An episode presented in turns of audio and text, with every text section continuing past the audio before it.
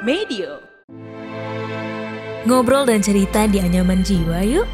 Tenang, kamu gak sendiri kok.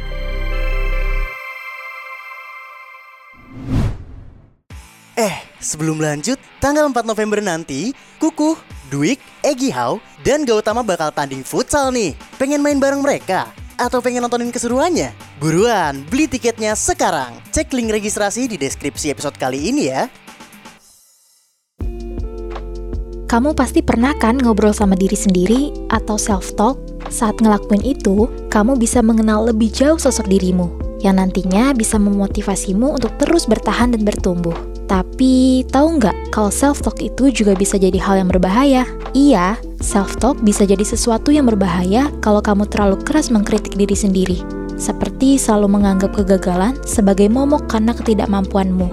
Gak jarang juga, kamu sampai harus berdebat dengan diri sendiri selalu merasa kalau diri sendiri salah dan sering banget kecewa sama diri sendiri. Hmm, rasanya pasti capek banget ya. Tapi tenang dulu yuk. Coba deh tarik napas.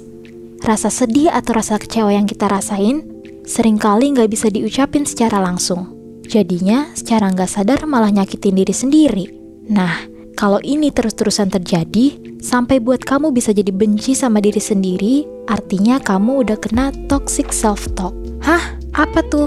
Pemikiran ini membuat kamu gak ngasih dirimu ruang untuk salah dan gagal, dan justru membuatmu menutup diri sama peluang-peluang dan malah meributkan hal-hal yang sebenarnya nih berada di luar kendalimu. Alhasil, kamu pun jadi ngerasa gak percaya diri sama kemampuanmu sendiri. Gak ada salahnya menjadi salah dan gagal.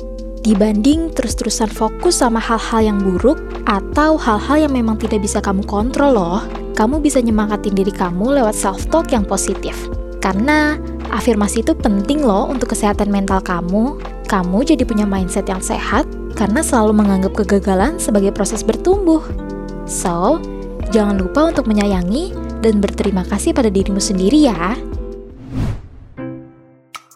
Ya, udah selesai episode kali ini. Tungguin episode Anyaman Jiwa selanjutnya ya.